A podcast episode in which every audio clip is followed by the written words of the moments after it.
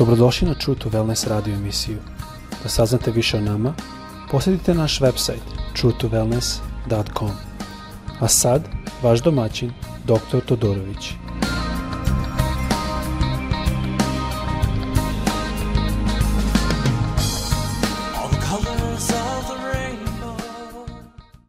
Ljubazni, pozdravljam vas sve ovde iz Florida, dakle radimo podcast A, kao što znate, dr. Nikolić isto radi ovaj podcast sa mnom, ali nažalost on je, ima neke a, zdravstvene probleme s kojima se bori i a, molim vas sve da se molimo za njega. ja se nadam i uskoro sam bio pozitivno ohrabljen kad jedna sestra rekla da ona sanjala da se on probudio, a pogotovo što znam da često ta sestra ono što Sanja ume da se ispuni, to jest ona ima taj dar da je gospod ume govoriti kroz snove. Tako da ja se nadam i verujem da će gospod tu radi svoje. Ali za sada mislim da je bitno da radimo sa onim što nam je gospod dao i je, želim jednu novu stvar uneti, ne samo da sam prebacio da ovaj podcast ide svake srede i subote, ali mislim da bi bilo dobro isto uneti pesmu tako da neki put dozvamo da Duh Sveti može da radi i kroz pesmu i da nas spremi tako naša srca da kada slušamo, kad razmišljamo njegove reči, da on zaista može radi njegov posao. Ovaj podcast ili bilo koji program ili bilo koja radio misija ne radi ništa. Šta radi je njegova reč kad mi slušamo, kad mi razmišljamo, kad mi gledamo na njegovu reč, onda se dešava promena. Ne ništa drugo, nema veze ko govori, nema veze kako dolazi, nego je snaga ta što se nalazi u njegovoj reči. I želo bi da vas pitam da svi polako, ako možete da otvorite, ako ne možete, samo pratite Jovanovo evanđelje sedma glava da kaže, ali mi znamo odakle je ovaj. A kada Hristos dođe, niko neće znati odakle je. Malo ćemo govoriti o tome i tom pogrešnom stavu što je narod imao, ali prije toga želio bi pustiti Darlene Zah, ona ima pesmu koja kaže on je pobednik i nosi krunu. Tako ja barem prevodim, ne znam da li je to pravilan prevod, ali ajdemo slušati ovu pesmu koje je ona nama do, dala dozvolu da možemo podeliti. I dozvolimo da reč Božja, bilo kroz pesmu ili bilo kroz a, reč, da dostigne u naša srca, da probije se kroz naša srca. Ajmo slušati se.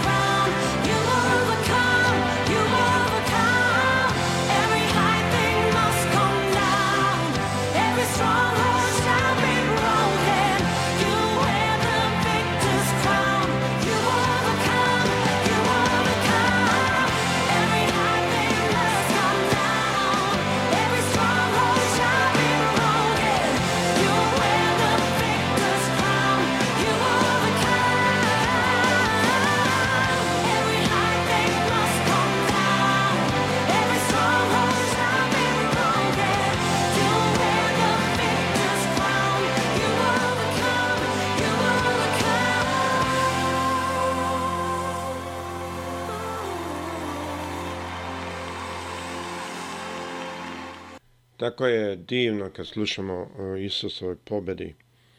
I ajdemo se sada vratiti nazad na naš stih. 27. stih, glava 7. u Jovanu, kaže, ali mi znamo odakle je ovaj. Oni kažu o Hristu, zato što ne vrede da, on, da je on Hristos. A kada Hristos dođe, niko neće znati odakle je.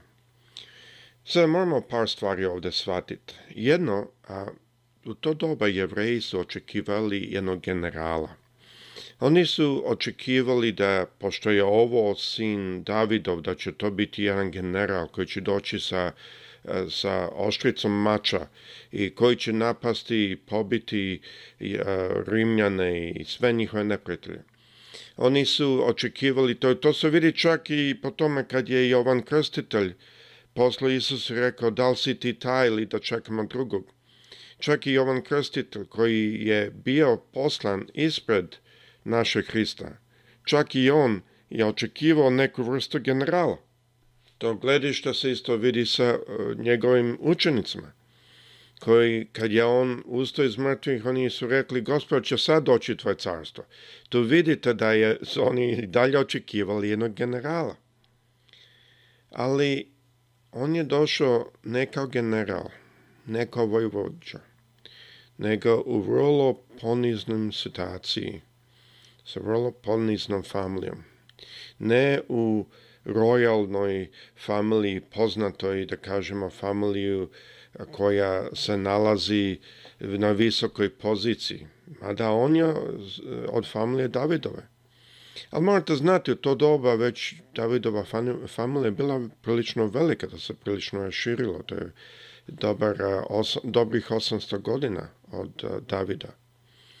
Tako da vidimo da oni su imali jedan drugčiji očekaj, drugčije očekivanje ko dolazi i možda je to bilo vezano što sa njima treba.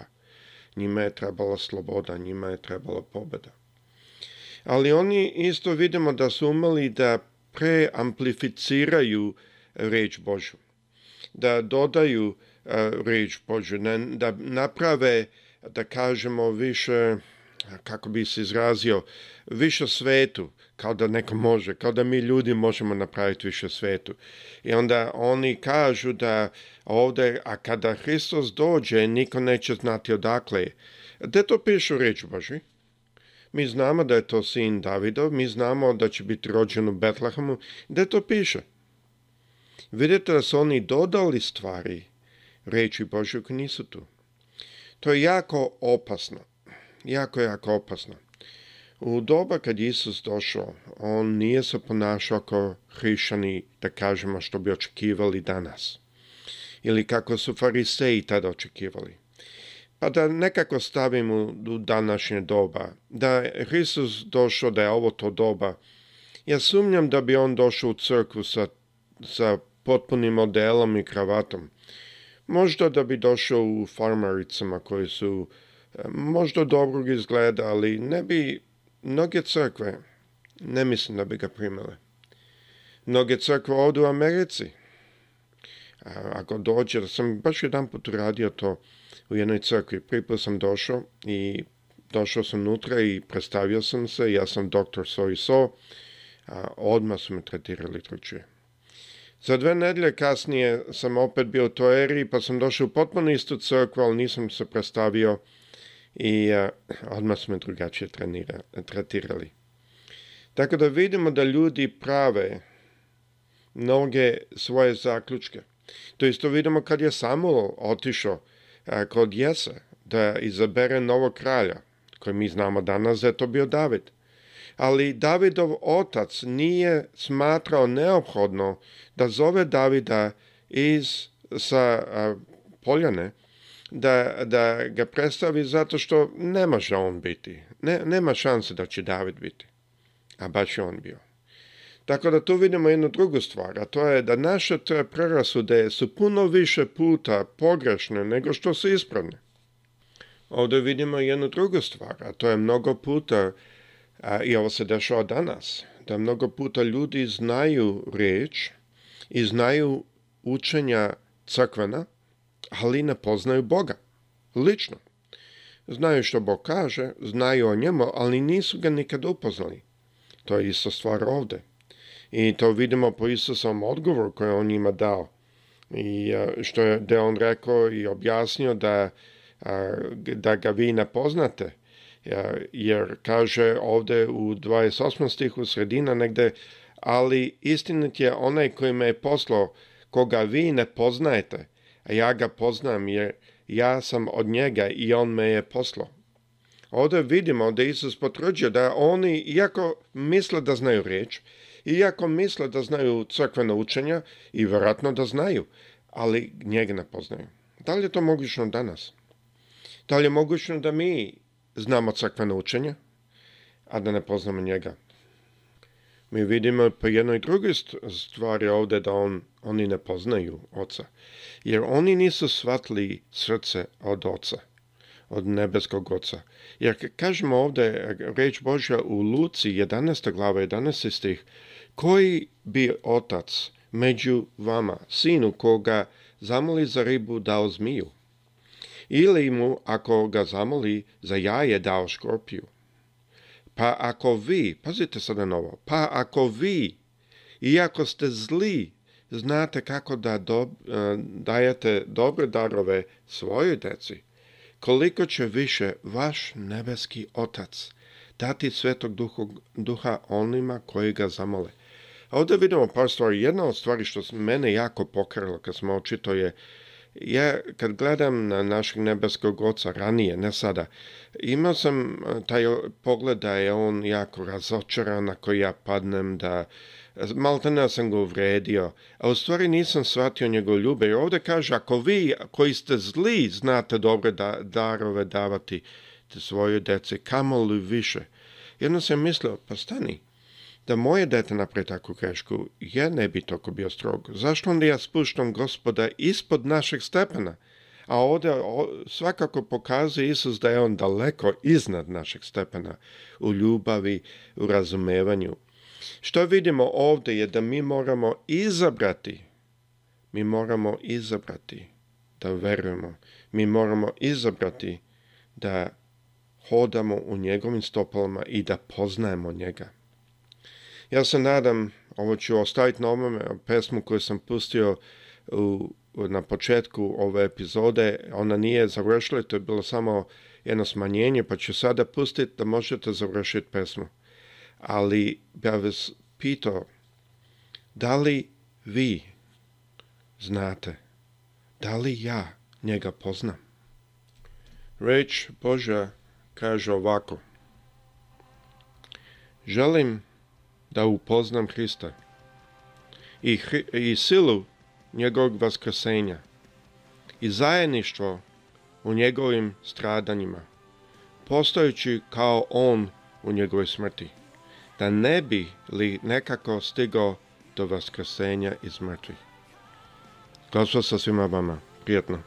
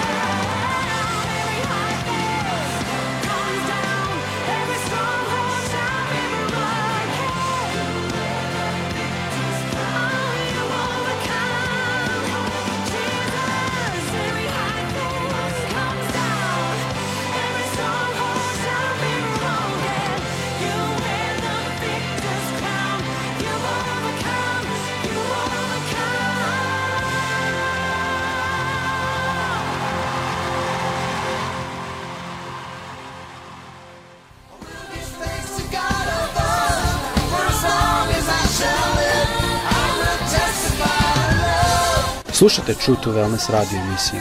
Pridružite nam se ponovo svaki utorak i subotu. Za kontakt molimo posetite naš website truetowellness.com. Naša e-mail adresa je info at truetowellness.com.